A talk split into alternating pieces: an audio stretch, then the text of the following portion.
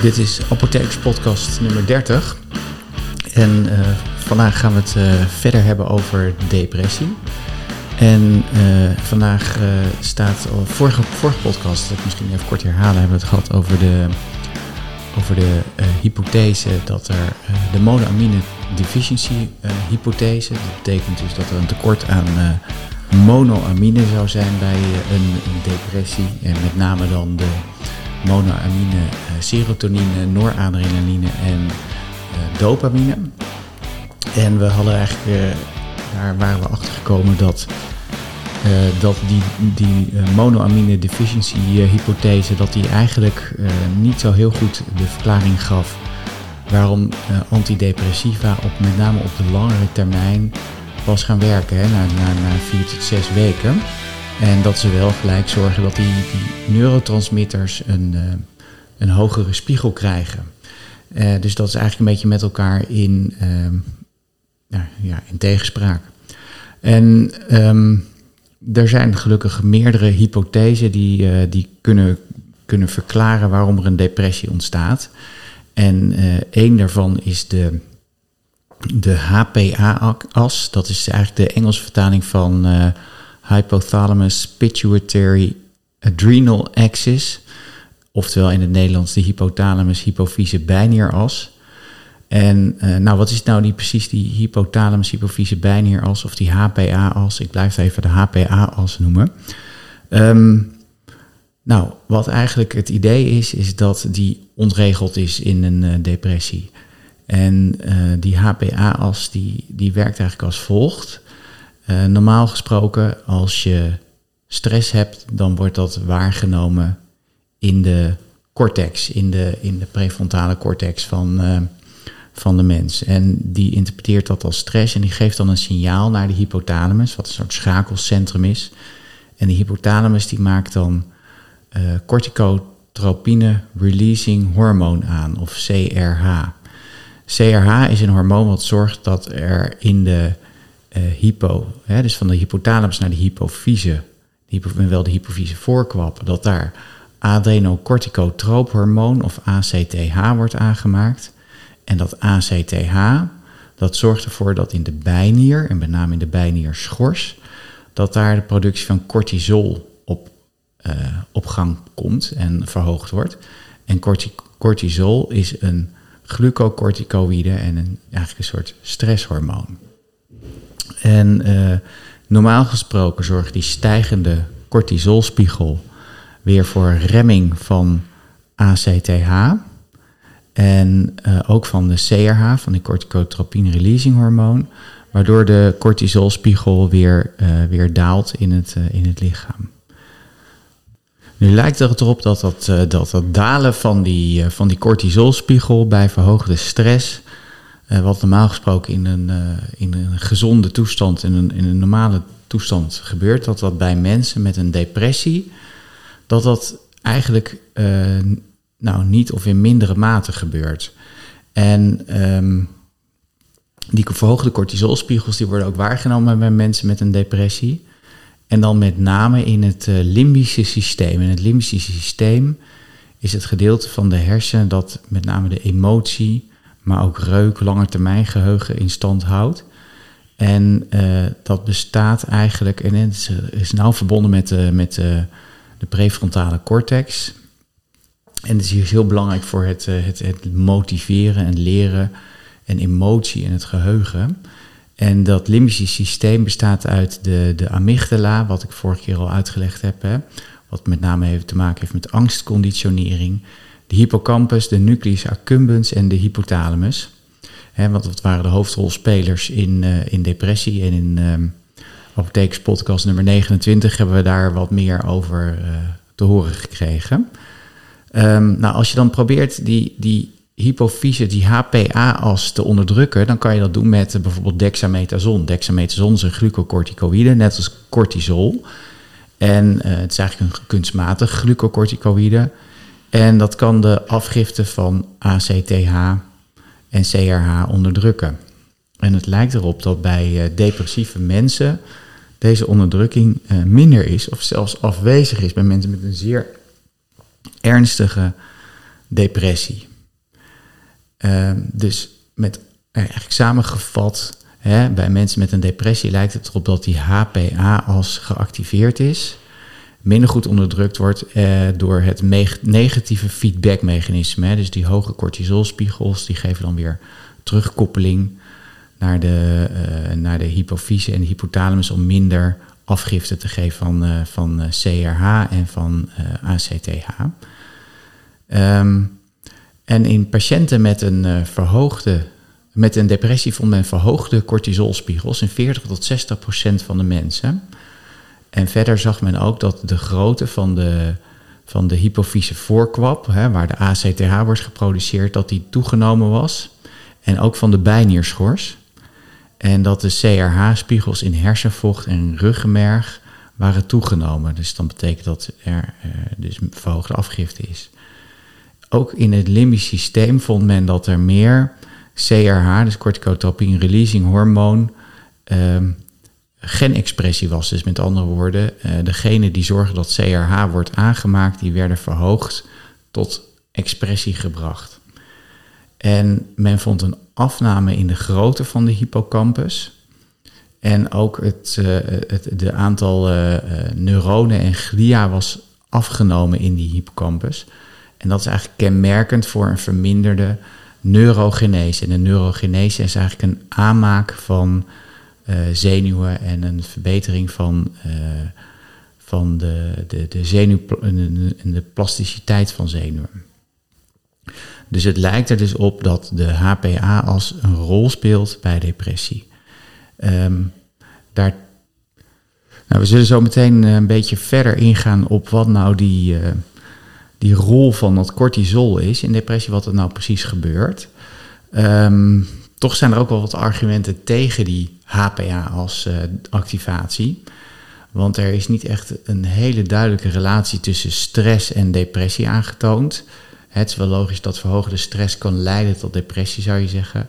Maar stress kan ook een reactie zijn als gevolg van een depressie. Dus je weet niet precies nou wat, wat eerder was, de kip of het ei verhaal is dat een beetje. En um, niet alle patiënten die hebben ook een verhoogde cortisol, een cortisolspiegel. Want dat, hè, wat mij bij 40 tot 60 procent van de mensen aangetoond is, dat die activatie van die HPA-as is ook niet helemaal 100 procent uh, ja, uh, aangetroffen bij mensen met een depressie.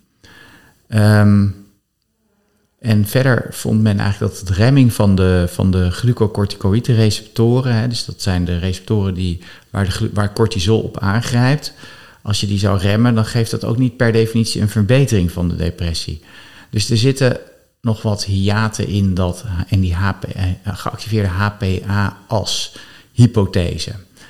Nou, wat we verder ook vinden bij, um, bij, bij een depressie is een verhoogde uh, activatie en ook genexpressie van het serum glucocorticoïd regulerend kinase 1, oftewel SGK1. Uh, eh, in depressie zien we een verhoogde expressie van het SGK1.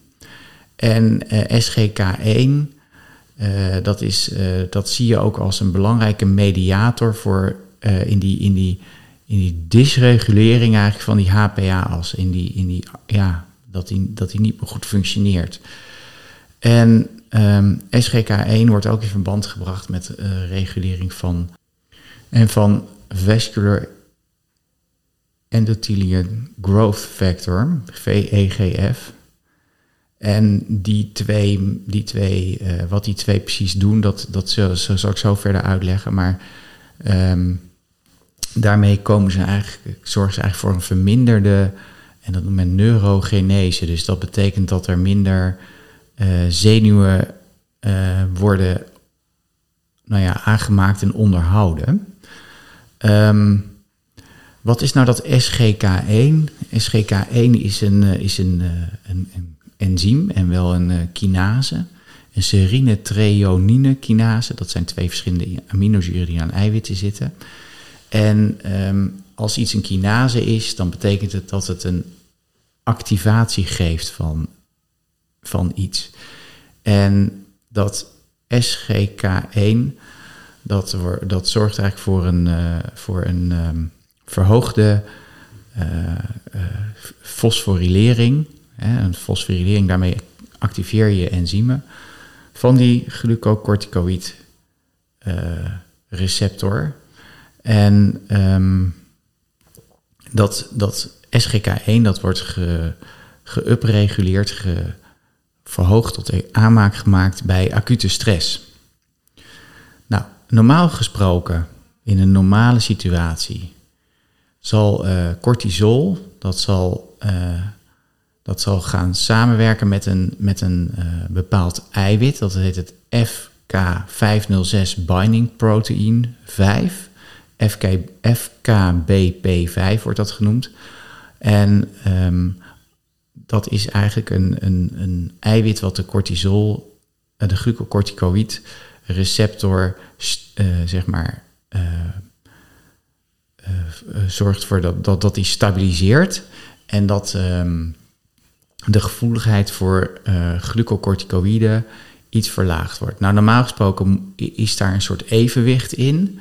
Dus dan heb je een, eh, die FKBP5 en SGK1. Die eh, zorgen eigenlijk voor een, eh, voor een normale interactie. Dat FK, FKBP5 zorgt, gaat, gaat een interactie aan met de glucocorticoïd receptor. En glucocorticoïd receptor, dat is een receptor die bevindt zich eigenlijk in de cel. En op het moment dat die FK KBP5-GR-receptor zich in de cel bevindt en SGK1 wordt geactiveerd, dan fosforileert dat SGK1 eigenlijk dat complex van de glucocorticoïdreceptor met FKBP5. En als dat die glucocorticoïdreceptor met FKBP5 en de glucocorticoïd uh, eh, gefosforileerd wordt, dan bevordert dat de um, de verplaatsing, dat noemen ze de translocatie, vanuit de, uh, de cel naar de celkern. En in die celkern, glucocorticoïden hebben een hele belangrijke uh, rol. Het zijn eigenlijk uh, zorgen, die zorgen eigenlijk voor dat in de celkern dat er meer eiwitten worden aangemaakt door verhoogde gentranscriptie. Nou, wat dat, wat dat hele complex doet als dat naar de celkern gaat, dan zorgt het voor een verhoogde gentranscriptie van uh, brain-derived neurotrophic factor en eh, VEGF. En die, die VEGF zorgt voor dat er meer bloedvaatjes worden aangemaakt. En die brain-derived neurotrophic factor, dat is een, uh, een belangrijke um, neurotrofine. En een, en een neurotrofine is een, een stof, gaan we zo meteen wat verder op in wat die precies doet. Maar die combinatie van die verhoogde expressie van, B, van brain-derived neurotrophic factor en vascular endothelial growth factor geeft een verhoogde neurogenese.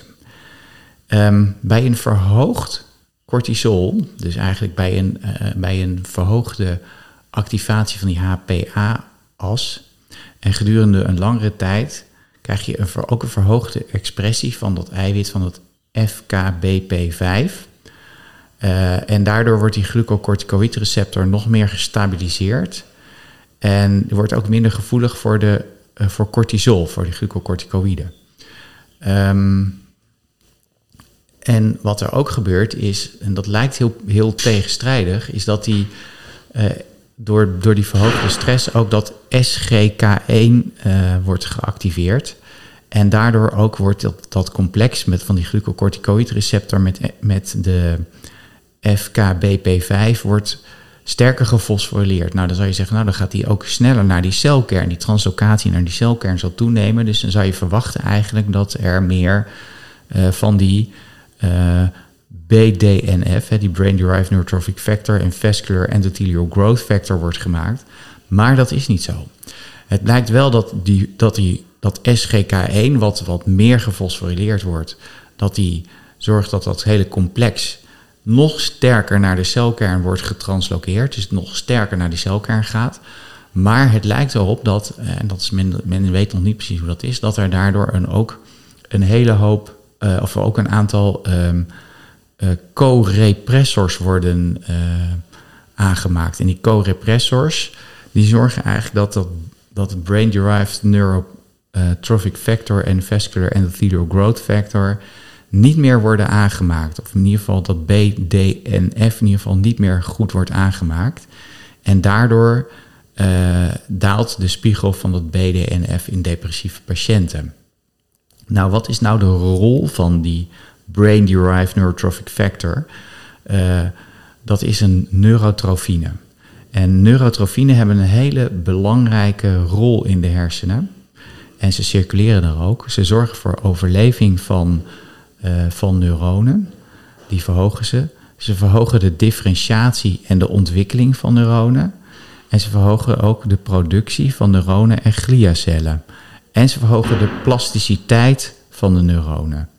Dus, um, en, en ze hebben ook een belangrijke rol in de ontwikkeling van die gliacellen. Dus dat is heel positief. En wat zien we nou?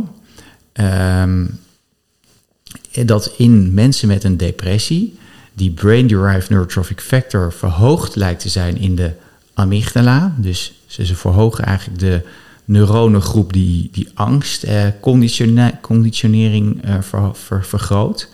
En in de nucleus accumbens. En dat die brain-derived neurotrophic factor juist verlaagd is in de hippocampus en de prefrontale cortex. Dus die, um, die brain-derived neurotrophic factor spiegels die zijn normaal gesproken dus het hoogst juist in de hippocampus en in, in, het, uh, in de prefrontale cortex in het limbisch systeem. En uh, die lijken dus bij depressie in, met name in de hippocampus verlaagd te zijn. En je krijgt ook een atrofie van de hippocampus. Dus dat betekent dat de hippocampus minder groot wordt, het volume afneemt. Uh, in het limbisch systeem zie je ook dat er minder, of sorry, in de prefrontale cortex zie je ook dat er minder, uh, uh, dat er ook een atrofie ontstaat in depressieve patiënten. Dus daarmee gaat dus ook de, um, de, de nou ja, lijkt, lijkt die depressie ernstiger te worden. Um, de rol van die brain-derived neurotrophic factor is ook van belang voor die gliacellen. En uh, waarom is dat nu van belang? Uh, nou, omdat die gliacellen, dat, ze, die, hebben, dat is in de vorige podcast uh, 29 uitgelegd, die hebben een belangrijke rol in het, hè, in het op zijn plaats houden van die neuronen en om eens te onderhouden, om, om dode neuronen op te ruimen. Maar die gliacellen die kunnen ook dat heet dus, die kunnen ook stoffen afgeven. En dat, die stoffen, dat zijn cytokinen. En cytokinen, dat zijn eigenlijk stoffen die een belangrijke rol spelen in het ontstaan van ontstekingsreacties. Nou, die gliacellen kunnen dus ook pro-inflammatoire cytokinen afgeven. En pro-inflammatoire betekent dat ze ontsteking kunnen bevorderen. En die cytokinen, dat zijn interleukine 1 beta, interleukine, interleukine 6 en tumornecrosisfactor alpha. Die kunnen ze uitstoten. En hierdoor kunnen, kunnen er, kan er neuroinflammatie ontstaan, dus de ontsteking van de neuronen. En uh, nou ja, dus de, de, dat brain-derived neurotrophic factor, uh, dat zorgt als dat, als dat een interactie geeft met zijn receptor, dat is tyrosinekinase B, dan vermindert dat de pro-inflammatoire processen. Dus ze zorgen eigenlijk dat die uh, dat brain-derived neurotrophic factors is een heel belangrijke uh, uh, stof die dus de, de inflammatie, dus de inflammatoire cytokine uitstoot tegengaat, maar ook zorgt dat er minder um, atrofie ontstaat als gevolg van verhoogde glucocorticoïde um, uitstoot. Nou, en het lijkt er dus op dat, die, dat antidepressiva die, eh, die wij nu gebruiken, dat die ook die spiegels van dat brain-derived neurotrophic factor kunnen laten stijgen. En uh, daardoor de, in de hippocampus de overleving, de groei en de differentiatie van uh, en ook de neuroplasticiteit kunnen verhogen. En daarmee het functioneren van de hippocampus kunnen verbeteren en daarmee ook de stemming kunnen verbeteren. Um, en dat is heel erg belangrijk, want dat zou de verlaten werking, hè, dus die vier tot zes weken waar, waar, die het duurt voordat antidepressiva kunnen werken, kunnen verbeteren. Uh, kunnen verklaren, sorry. Um, nou ja, men, men onderzoekt verder nog of dat brain-derived neurotrophic factor, of dat een, bijvoorbeeld ook een biomarker zou kunnen zijn voor depressie. Want men ziet dus Hè, dat als die spiegels verlaagd zijn, dan zou je kunnen zeggen, nou goed, oké, dat zou dan een teken kunnen zijn dat iemand depressie heeft. Maar daar wordt nog heel veel onderzoek naar gedaan. Hè, dus samengevat kunnen we eigenlijk zeggen dat die, die uh, hypothalamus, uh, hypofyse, uh, bijnieras een verhoogde productie van cortisol geeft. Dat cortisol zorgt voor een verhoogde aanmaak van S van serum glucocorticoid regulated kinase 1, SGK1. En SGK1 zorgt bij, door activatie, door een verlaging van die brain-derived neurotrophic factor uitstoot. Hè, doordat de expressie van dat brain-derived neurotrophic factor, degene die dat tot expressie brengen, dat die minder gaan werken doordat er een enorme translocatie plaatsvindt van die cortisol, glucocorticoid receptor uh, met um, Samen met dat, uh, dat, dat, dat gek eiwit met die gekke naam. Dat, uh, dat FK, FKBP5, kan het bijna niet uitspreken. Um, en daardoor ontstaat er ten eerste door die verminderde B, brain-derived neurotrophic factor, ontstaat atrofie van de hippocampus en de prefrontale cortex. En het tweede wat er gebeurt, dat er meer cytokine kunnen worden uitgestoten door de gliacellen en daardoor ontstaat er neuroinflammatie. En die combinatie van die twee kan leiden tot een uh, verhoogde kans op depressie. En dat zou ook kunnen verklaren waarom, hè, want dat kost tijd, dit soort processen. Die, duurt even. Dat pas die, hè, dus ondanks dat die, die, uh, die monoamine weer op de juiste uh, levels zitten, op de juiste niveau zitten in de, in de synaps, dat het toch een tijdje duurt, namelijk vier tot zes weken, voordat die depressie minder wordt. En dat heeft dan te maken mogelijk met die verminderde neuroinflammatie en die verminderde atrofie. Nou, zo zijn er, is er nog een hele belangrijke theorie die, uh, die ik in de volgende podcast ga bespreken. En uh, dat is het, de theorie van het, het microbioom en de, dat zijn de darmen. En de, de bacteriën in de darmen bedoel ik met name. En die hebben ook een belangrijke rol in de communicatie met de hersenen en ook met neuroinflammatie. En hoe dat verder zal gaan, dat ga ik in de volgende apothekerspodcast, uh, ga ik daar wat verder op in. Um, ik heb een, uh, in, de, in de show notes heb ik wat, um, wat literatuur hierover. Uh, de, de, linkjes naar wat literatuur hierover zal ik, er, zal ik erbij zetten zodat de mensen die geïnteresseerd zijn en daar meer over willen lezen, de, ook de wetenschappelijke artikelen hierover kunnen raadplegen. Nou, dit was weer Apothekers Podcast nummer 30. Uh, hartelijk dank voor het luisteren. En uh, als u het leuk vindt, dan hoop ik dat u een positieve review wil achterlaten op uh, Apple Podcast. En um, als u het leuk vindt, vertel het ook vooral door aan vrienden, familie en kennissen. En hopelijk tot de volgende keer. Dank u wel.